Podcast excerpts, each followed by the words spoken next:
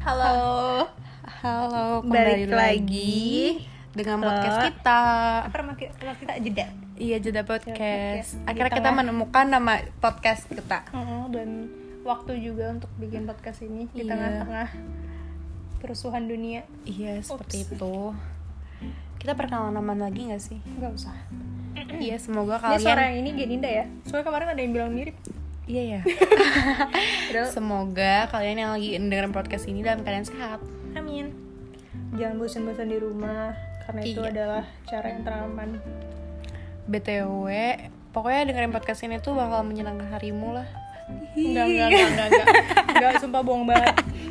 Pasti yang dengerin juga karena gabut aja di rumah. Hari ini tuh kita mau ngebahas topik yang menarik banget untuk para perempuan dan para laki-laki juga kalau mau ngedenger sih menurut gue. Tentang apa, Gen? Sexual harassment. Yuhu. Sexual harassment itu adalah pelecehan seksual. Iya bisa berbentuk perbuatan seksual secara Secara lisan fisik, atau enggak. ya fisik sama lisan, Hmm. verbal atau physical. Iya. Kenapa kita bahas ini? Karena semua orang, Pasti nggak cewek nggak cowok, menurut kita itu udah banyak banget yang pernah merasakan ini. ngerasain ini, ngalamin ini. Kita berdua pun pernah. Dan apalagi kayak gue yakin banget sih 80% eh, enggak deh 95% perempuan pasti udah pernah merasakan yang namanya sexual harassment tapi ada yang menyadari itu ada yang nggak menyadari itu ya nggak sih baik verbal maupun physical. Verbal tuh contohnya kayak catcalling. Catcalling tuh maksudnya kayak neng, neng, cut, cut, cut, yang kayak gitu-gitu kayak neng sini sama abang mau ke mana neng kayak gitu itu tuh menurut itu tuh udah masuk ke catcalling, boy. ya tapi nih oh ya kalau kayak gitu sebenarnya menurut gue ya kayak sebagai perempuan juga ini loh Gen Apa? Eh, punya definisi sexual harassment yang berbeda-beda Hmm. kayak misalnya nih saat di Karena catcalling punya limit cuman masing-masing. nah iya kayak misalnya lu kayak neng neng eh, ke mana neng kayak gitu Hmm. apa kabar neng kayak aduh gak sih itu tuh menjadi suatu catcalling bagi lu Hmm. tapi mungkin bagi gue nggak it's fine kayak gitu loh jadi menurut gue definisi sexual harassment itu kadang-kadang suka disalahartikan bang perpandang eh dipandang berbeda gitu loh Hmm. jadi perempuan tuh suka nggak tahu limit dan jadi merasa kayak aduh gue nggak tahu harga diri gue sebenarnya sih yang kayak gitu loh. Dan gimana yang dia rasain sih maksudnya kayak uh, buat gue itu ke- kenapa itu catcalling? Karena buat gue itu udah gak nyaman. Nah, mungkin kalau untuk beberapa cewek masih nyaman karena mungkin mereka ngerasa oh itu they trying to be nice gitu. Nah mencoba benar-benar untuk apa namanya uh, sopan aja gitu. Tapi kalau buat gue gue gak nyaman digituin. Nah, Nah, itu buat bener-bener. gue tuh catcalling gitu kan ya makanya dibilang beda-beda karena itu. Dan bener-bener karena menurut gue kayak nggak ada definisi yang setara banget. Jadi kan kayak nggak terlalu serious banget di dalam suatu pemerintah atau apa pun itu nggak di sih? Indonesia. Iya di Indonesia. Coba-coba pengalamin eh, pengal ceritain pengalaman lu pernah sexual harassment apa yang kayak paling ini tuh bikin lo takut atau gimana? Paling ngebekas sih. Iya paling berbekas deh. Eh, kalau misalnya lebih dari kalau catcalling mungkin hampir tiap hari deh kayaknya Gak sih hampir tiap hari, bukan hampir setiap hampir keluar setiap keluar lingkungan rumah atau kosan gitu ya itu pasti ada catcalling cuman kalau misalnya lebih dari itu gue yang paling gue berbekas itu bukan gue pernah di kereta. Di kereta pernah dua kali. Itu dia eh, apa ya menggosok gosok gosokin apa sih namanya? Itu nggak apa-apa menggosok-gosoki Kemaluannya. baik kemaluan dia. Ke daerah belakang gue. Itu dua kali. Nah terus eh, ini pernah lagi yang bikin gue kayak ngerasa sampai sekarang nggak bisa gue lupain itu gue pulang dari kampus gue nggak tahu lupa kayak praktikum deh. Gue pakai rok span. Rok span eh, pakai kemeja pakai kerudung. Kan gue pakai kerudung iya. Terus gue ngelewatin gang kecil gitu. Jadi di Depok tuh eh, dari kampus gua ke kosan itu gua jalan bisa lewat gang kecil gang kecil gitu kan biar cepet. Nah itu gang kecil banget jadi kayak tikungan gitu. Nah di situ eh, dari jauh gue udah ngeliat nih ada bapak berongsokan yang naik gerobak naik gerobak bawa gerobak. Nah terus di situ gue sendiri dan apa namanya gangnya tuh gelap gelap dan pojokan banget nggak ada orang kan. Nah terus gue ngelewatin aja jalan biasa jalannya biasa gue lewatin. Tapi saat itu itu nggak malam btw itu siang. Terus udah gitu tapi saat itu pas gue papasan ini kan gue belokan ya. Nah gue dari sini dari sana kayak awal arah nah pas udah papasan di belokan ini dia ngomong sesuatu yang bikin nggak enak banget omongannya kayak tentang anggota badan gue yang bawah Hmm. kayak masalah Yaudah, nggak rok apa-apa, sebutin itu aja. ya kayak misalnya neng eh, itu V kamu tapi lebih bahasa Iya. yang itunya eh, nyeplak gede banget gitu. Oh. terus situ gue langsung nyadar kayak wow wow dan dia sampai senyum gitu itu bapak-bapak btw dan gue kayak aduh ya allah ini bapak-bapak gue respect banget maksudnya gue respect sama orang tua tapi ketika gue respect sama dia kenapa malah dia yang aduh gue gak ngerti. Itu sih itu sih paling pengalaman yang paling bekas banget. Karena gue di situ sendiri terus eh, posisinya di gang yang sempit gitu udah langsung gila ngeri banget sih. Itu yang di the same day. Di hari yang sama gue paginya di ini juga di kereta. Pas pulang-pulang gue pengen nangis banget yang bekas. Kalau lu Fer? Hmm, gue banyak sih. Cuman mungkin kalau misalnya pengalaman gue nih kayak waktu itu tuh SMP pernah kayak naik Gojek. Gojek itu tuh dari Melati Mas ke rumah deket kan. Cuman kayak lewat belakang gitu kan, serem. Terus abis itu kayak si tukang Gojeknya itu tuh tangannya ke belakang ke belakang gue gitu loh. Nah, terus megang paha gue. Nah, terus gue tuh yang kayak udah berusaha mundur-mundur terus. Nah, gue tuh nggak berani berkutik itu karena sumpah ya kalau jangan terang remeh masalah seksual harassment atau laki-laki kayak ya lah cuma digituin. Enggak guys. Kalau kalian yang kayak real merasakan seksual harassment gitu lo tuh pasti ada perasaan gila gue pengen ngelawan tapi lo tuh diem ya kan? Nggak bisa. diem tuh bukan karena lo nggak mau ngelawan tapi lo tuh takut. Kayak takut yang Kebungkam. aduh gue gimana ya? Aduh gue ke mana nih? Kayak gitu loh. Jantung lo tuh udah berdebar kayak cuy gue mau ngebales tapi gue nggak bisa gitu. Dan itu tuh kayak ada penjelasannya juga kenapa bisa seperti itu. Hmm. terus abis itu tapi kan udah deket ya nah udah kayak megang-megang iya neng kayak gini gini gini kayak tapi kayak berusaha pokoknya megang-megang tangan gue terus gue bilang tapi gue sempet ne- nepas tangannya gitu loh. Nah terus kayak itu gue tuh udah gemeteran banget tapi akhirnya nyampe rumah nyampe rumah gue tuh langsung kayak kabur gitu kan. Terus anehnya gue nanya kayak mas ini berapa ojeknya? Nggak usah bayar kan tadi udah bayar. Kayak apaan sih? Maksudnya gue nggak ngerti. Tapi takutnya. gue kayak- terus gue langsung pulang-pulang tuh tapi semenjak itu tuh gue langsung gak mau pulang naik kendaraan umum ngerti gak pokoknya kalau gue naik angkot atau apa pun itu gue tuh harus ada teman. Kalau nggak ada teman gue lebih baik kayak diem di sekolah lama tapi gue dijemput gitu. Jadi kayak emang gue takut untuk di kendaraan umum tuh sebenarnya karena hal itu sih. Semenjak itu jadi gue agak takut untuk kayak naik kereta atau apa pun itu. Terus yang terakhir itu mungkin gue tuh lagi jogging kan terus habis itu gue diem nih. Habis jogging diem eh ada cowok nih bapak-bapak gitu. Naik motor. nyamperin gue naik motor dia pertamanya nanya jalan nanya jalan di mana ya Rawakuto kayak gitu. Terus gue dengan baik hatinya gue gue ya udah kasih tahu aja di, di situ. Tapi ini bapak-bapak aneh karena dia tuh nanya-nanya terus gitu loh kayak "Ma, neng bener di situ? Beneran neng? Iya saya mau ngirim barang kayak gitu. Terus gue jawab kayak iya pak bener kok di situ lurus nanti belok kanan kayak gitu. Nah terus dia tiba-tiba langsung kayak karena nggak puas dengan reaksi gue atau gimana eh dia langsung ngomong gini Neng di belakang baju Neng ada apa ya? Kayak kok ada ulet? Ya kayak gitu. Terus gue langsung berdiri dong gue panik kayak hah ulet apaan? Gue kayak gitu kan. Iya kayak ulet bulu gue bilang gitu kan. Terus kata dia enggak itu tuh kayaknya uletnya bahaya deh kayak bisa takut infeksi gitu kayak dia bilang gitu kan. Terus dia so, so tiba-tiba ngomong dia tenaga kesehatan dan lain-lain. Terus dia alasan. iya alasan banget. Dan dia terus kayak ngomong kayak uletnya tuh masuk ke baju gue kayak dia nawarin untuk nawarin untuk ngambil gitu Ngambil terus uletnya. ngambil ulutnya gitu di dalam baju gue terus gue kayak aduh ini orang nggak masuk akal banget. Gue akhirnya pergi lagi jogging. Nah makin gak makin seremnya itu satu titik gue tuh jogging gue takut emang beneran ada ulet atau enggak gue takut sama orang ini gitu. Soalnya tuh orang ini tuh sampai nyegatin gue berhenti tiga kali. Pertama tuh kayak make sure lagi jalan yang kedua tuh dia sampai nawarin gitu kayak neng beneran itu eh, nggak mau dibantuin. Di situ tuh ada toilet umum tuh neng kayak beneran kayak gini. Terus gue Make kayak sense gak sih ke toilet umum? Iya, kayak di wah, di situ tuh gue langsung kayak posisinya juga, geng. Itu HP gue mati. Hmm. Terus kayak ya udah gue bingung banget harus ngapain gitu kan. Tapi untungnya langsung kayak ada ada itu kan yang nyamperin terus gue kayak ya udah langsung tiba-tiba pergi ya udah tapi di saat itu gue langsung ngomel-ngomel ke semua orang karena ya gue takut cuy gitu dan waktu gue udah pulang pun gue kayak ngecek apa pun itu nggak ada ulet Gak ada ulat sama Iya. sekali. Itu efek jangka panjangnya itu bener-bener kayak nggak nggak sesepele itu. Sampai eh, malamnya tuh gue nangis sih hari itu. Terus jadi trauma juga. Jadi kayak eh, insecure parah mau naik angkutan umum gitu. Kayak ngelewatin gang-gang kecil. Dulu tuh gue berani banget orangnya. Maksudnya kayak ngelewatin gang-gang kecil ya udah gitu. Bisa aja gitu. Tapi setelah itu mau bapak-bapak lewat sendiri aja gue langsung kayak netting gitu loh jadinya fair kayak insecure juga. Jadi inget momen itu. Dan itu bener-bener kita nih gue jujur pas kayak udah gue ceritain nih kayak gini kok gue dulu waktu pas itu kejadian kenapa gue nggak speak up ya? Kenapa gue nggak ngelawan ya kenapa gue nggak hmm, bener. Ya pokoknya ngelawan deh minimal. Tapi kayak pas gue inget lagi pas gue momen itunya tuh gue bener-bener nggak bisa ngapa-ngapain cuy. Ngebuka mulutnya kayak segemetaran itu. Kayak parah sih.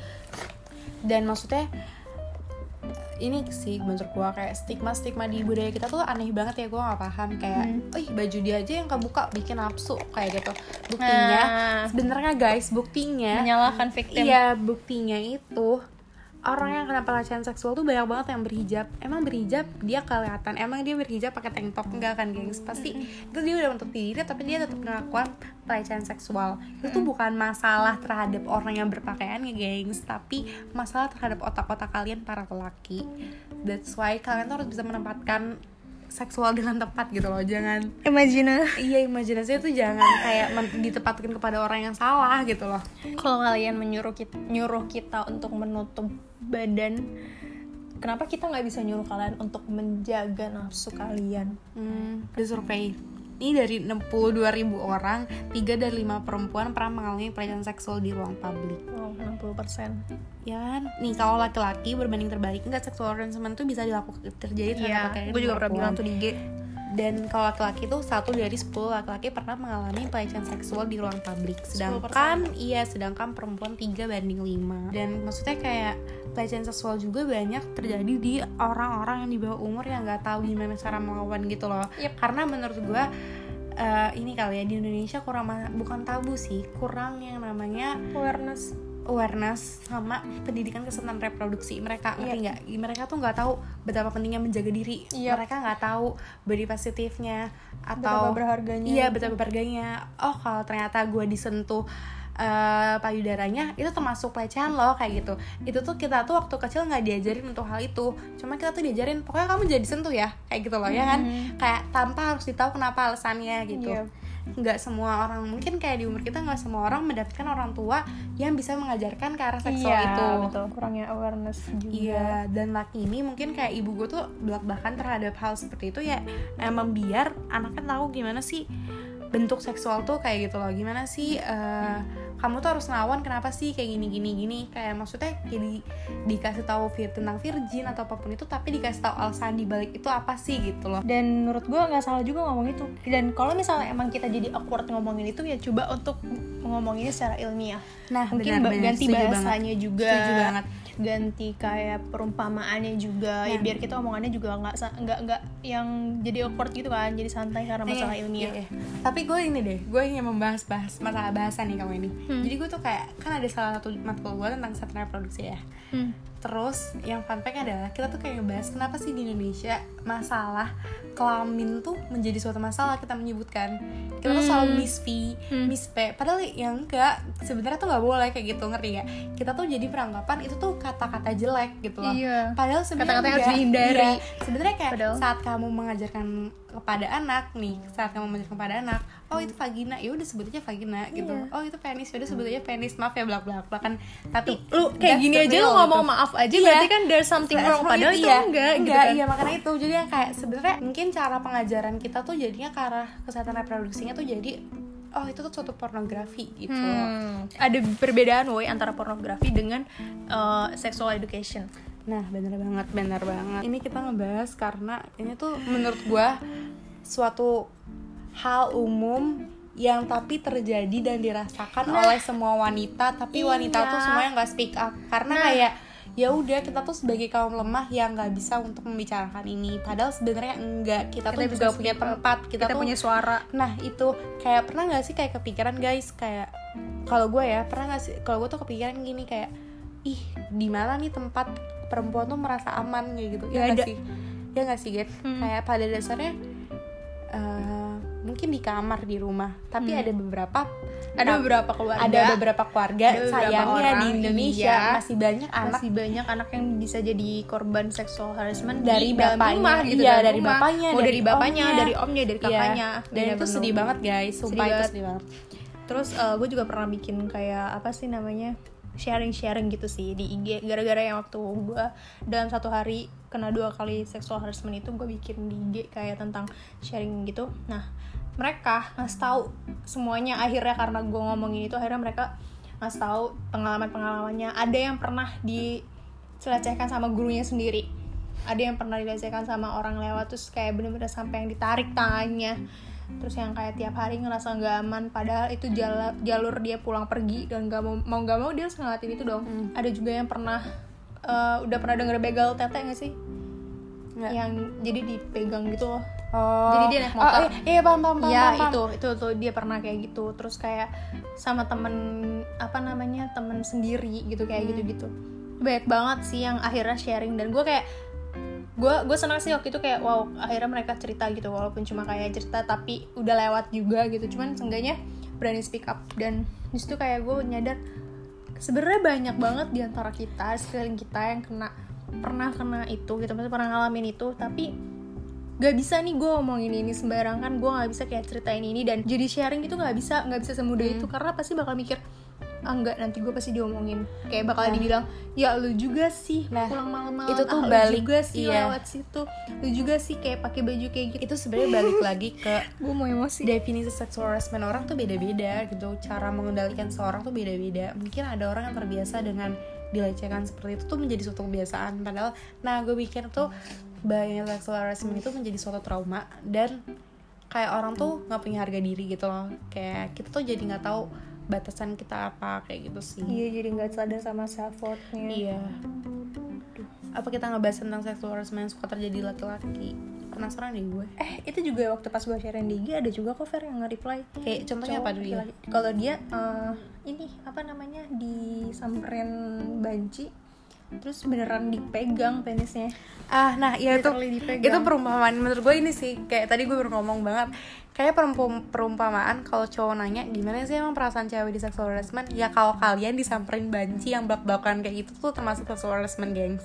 Kayak lu tuh mau ngelawan lu bisa ngenabok tapi lu tuh bingung. Kayak saat keadaan itu tuh lo kayak hah? Akan deg-degan rasa iya terancam deg-degan kayak rasa gimana ya gimana ya? gitu. Rasa-rasa kayak pengen lu teriak tapi nggak bisa gitu.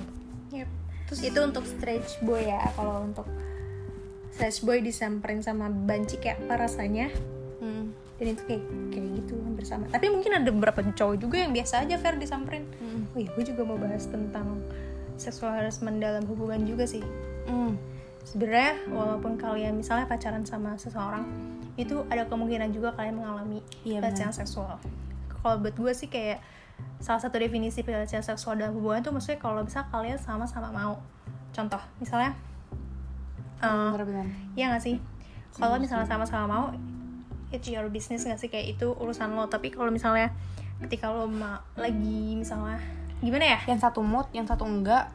Ya eh, Simple thing deh. Kayak misalnya eh, pelukan. Pelukan di motor misalnya gitu kan. Kan sekarang udah banyak banget yang suka pelukan di motor. Bener-bener Nah si cowok ini minta ceweknya untuk peluk aku dong gitu kan Hmm. kok nggak peluk? Nah si ceweknya lagi nggak mood untuk meluk kayak karena emang mungkin I don't know kita nggak pernah tahu mood orang kan. Terus si ceweknya nggak mau gitu nolak dan akhirnya si cowok maksa Iya lu cuma meluk doang bla bla bla gitu. Ya karena biasanya juga Hmm. meluk gitu. Dan itu menurut gue udah termasuk pelecehan seksual boy. Kayak bukan pelecehan seksual doang tapi eh enggak lebih ke lebih kekerasan ya nggak Iya. sih? Kan maksudnya definisi masalah gitu banyak ya catcalling sexual abusive sexual abusive partner sexual harassment kayak gitu loh. Jadi Da- dan walaupun kalian udah pacaran pun udah pacaran atau justru suami istri itu ada woi ada Mm, ini. assault ya nih sexual is any unwanted unwanted Iya kan, yang gak diinginkan. iya bener Kayak kalau emang kalian Bener, mau bener. melakukan sesuatu ya, maksudnya melakukan apa pun yang kalian lakukan saat pacaran. Kalau kedua keduanya mau ya udah gitu. Tapi kalau misalnya ada salah satu pihak yang nggak mau ya udah termasuk sexual assault. nah, nah, terus ini tuh lebih ke kalau itu tuh berdampak ke KDRT Hmm, nah itu kalau yang tuh menurut gue kayak lebih ini kali ya kan kenapa sih kayak loh kan wanita eh, wajib Hmm. untuk melayani seorang suami Ini nih sempat jadi masalah nih. iya sempat jadi masalah. Ma- wanita wajib untuk melayani nafsunya suami kayak gitu nah sedangkan si wanita itu lagi nggak mood untuk melakukan hubungan seksual itu Hmm. nah itu tuh bisa termasuk ke dalam uh, sexual, Sexual abuse assault. iya sexual assault assault, atau abuse? Abuse. sexual assault deh Hmm. terus habis itu itu tuh jadi kayak per- permasalahan loh kalau kayak gitu. Eh, lu melanggar hukum dong kayak Hmm. hukum agama dan lain-lain. Mungkin di situ kalian di situ butuhnya komunikasi kali ya. Maksudnya di dalam suatu hubungan itu bukan tentang masalah seksual Seks doang aja tapi gitu. komunikasi gimana sih cara mem- membuat itu jadi lebih menyenangkan kayak gitu loh. iya lebih nyaman di kedua uh, pihak juga. iya benar. Cuma sebelah pihak yang iya mau terus kan Maksudnya- banyak cara juga dan kan. pada dasarnya nih gue juga pernah ikut seminar gitu tentang psikologi. Jadi ada orang nih ini menarik banget menurut gue itu kan waktu itu gue sama dokter namanya dokter Rama ya dia tuh cerita ada dia nikah udah 23 tahun dan ceweknya itu udah yang namanya sering banget dipukul KDRT Oh. tapi dia nggak bisa pisah tapi gak Karena itu tuh nggak bukan karena anak. Terus? Itu mereka tuh eh, jadi kayak sebenarnya sampai dua-duanya tuh udah tera- terapi relationship Oh, Nah iya, udah udah sampai di titik iya udah di titik sebenarnya mereka nyadar itu tuh nggak baik buat mereka berdua. Mereka tuh menyakiti. Udah sampai yang kayak datang ke dokter Rama tuh dalam keadaan uh, dia babak belur si Oh. ceweknya kayak gitu loh. Terus? Itu dokter Rama kayak udah ya udah tinggal cerai aja. Ini tuh masalah terakhir tapi nggak bisa ngerti nggak? Hmm. pada dasarnya tuh ada orang yang terjebak di dalam seperti itu mereka nggak tahu cara keluarnya gimana ngerti nggak? Dalam emang-emang aduh gue terlalu cinta sama dia kayak gitu loh. Mungkin di situ bentuk sebetulnya support system gitu loh. Di satu sisi kayak karena dia terbiasa dengan namanya seperti itu jadi nggak tahu batasan sih menurut gue. Coba bayangin guys 23 tahun dia di seperti itu Win. Kayak Dalam pasti ada aja gitu. iya. Terus Oh. tapi ceweknya tuh cuma bilang apa coba? Aku cinta sama suami saya dan tahu suami Love saya bakal is- berubah kayak gitu loh. Itu dia nikah gen kayak mungkin di situ mungkin kurangnya awareness cinta kali akan dari ada dulu. sakitnya cuma nggak kayak gitu. iya betul sekali beb. Love is not supposed to be hurt. Betul. Nggak. Kalau misalnya udah udah ngerasa itu nyakitin lu dan lebih banyak sakitnya ya lu tuh harus bisa keluar men. Mm. gue pernah mengalami udah skip. Hmm. Enggak sih, enggak, enggak, enggak, enggak, enggak physical gitu, enggak Eh, pernah nih physical Wow, oh iya. Oh, masalah Kalau itu physical abuse ya, Mm. bukan sexual abuse. Iya. Enggak, berarti beda, beda topik. Intinya kalau yang kalian pacaran, sehat-sehat ya. Iya benar. Terus, eh, kalau emang ngerasa udah Ngerasa ada paksaan dan udah ngerasa gak nyaman ya udah Iya, keluar jangan- aja dari lingkaran jangan- itu. bener, bener. jangan Jangan jangan ngerasa kayak takut aduh gue udah cinta mati sama dia woi gue bakal ketemu lagi gak ya sama orang kayak dia? Eh, no, gue no. jadi pengen ngebahas sesuatu yang menarik menurut gue tapi ini kayak mungkin bukan sexual harassment ya yang kayak beranggapan misalnya kejadian pemerkosaan kita tuh termasuk tinggi kan? Mm-mm, di terus orang tuh selalu di Indonesia herannya tuh selalu blaming the victim. Mm-mm. victim. Terus abis itu kayak perempuan tuh selalu menjadi tempat untuk disalahkan lah ya nggak Yep. sih? Entah pakaiannya terbuka. Contoh deh kayak misalnya pekerja PSK di sini tuh pasti kita rata-rata perempuan nih yang selalu ya dia untuk apa jadi kerja kayak gini-gini? Kenapa nggak yang disalahin yang membelinya? gitu loh. Ini menurut gua kayak kurangnya kesetaraan gender. Banget banget Nah. banget iya kayak sedih aja nggak sih lo gitu. Dan kalau misalnya ada kasus-kasus kayak gitu tuh ya terus dibawa ke hukum banyak banget yang gak dilanjutin banyak banget yang jadi cuma damai aja. Terus banyak banget yang dikebungkam gara-gara malu gak usah di apa namanya gak usah dibawa jalur hukum gak usah kayak gitu. Itu mencoreng nama keluarga.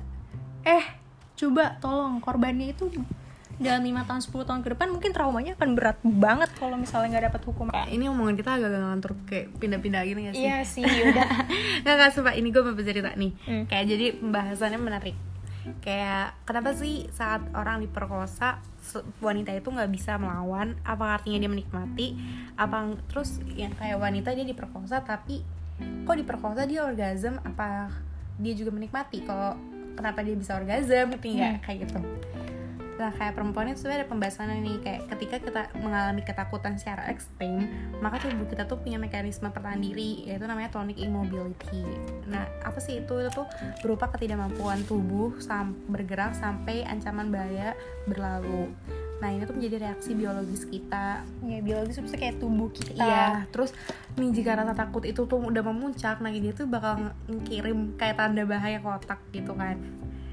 Terus orgasm itu reaksi fisiologi bukan psikologis saja. Pokoknya intinya tuh kayak korban perkosaan yang diam itu bukan karena suka dan jelas orgasmnya korban juga bukan karena suka gitu. Ada penjelasan secara ilmiahnya Iya. guys. Kenapa mereka bisa orgasm walaupun mereka nggak mau gitu. Walaupun mereka ngerasa terancam gitu. Jadi it's different thing between fisiologis dan psikologis. Hah aku anak industri jadi nggak paham nih anak kesehatan masyarakat jadi mereka aja yang menjelaskan. Soalnya kayak gimana ya gue tuh suka bingung banget kayak kenapa sih masalah pemerkosaan tuh selalu dianggap rendah gitu loh.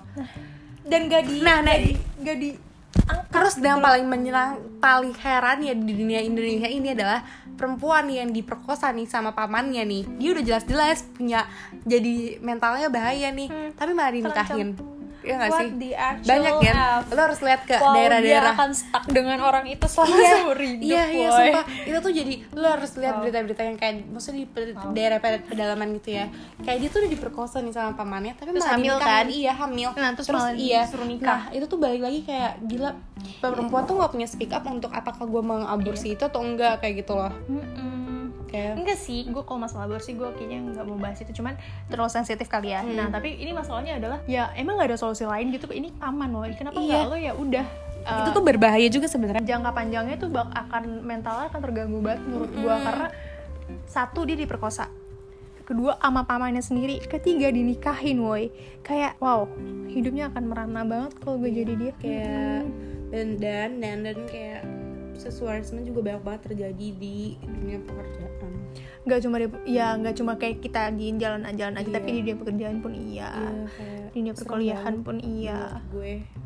kita mungkin eh, cuma denger doang ya kalau Hmm. masalah pekerjaan di dunia pekerjaan cuman kayak misal sama teman aja nih eh, mungkin kebanyakan cowok ya kalau gue kan mayoritas cowok mungkin itu hal yang biasa buat orang-orang kayak ngomong "Eh, again I think your body is cool gitu kayak badan lu bagus bla bla." itu menurut gue gue udah gak nyaman gue denger tuh masuk ke kuping gue tapi untuk beberapa orang itu jadi komplimen jadi pujian tergantung Iya, nggak iya. sih gitu nah itu iya. aja itu aja di sekitar lingkup lu sehari-hari nongkrong itu aja udah ada, ada ada gitu kayak misal nggak cuma nggak badan deh bibir Mm-mm.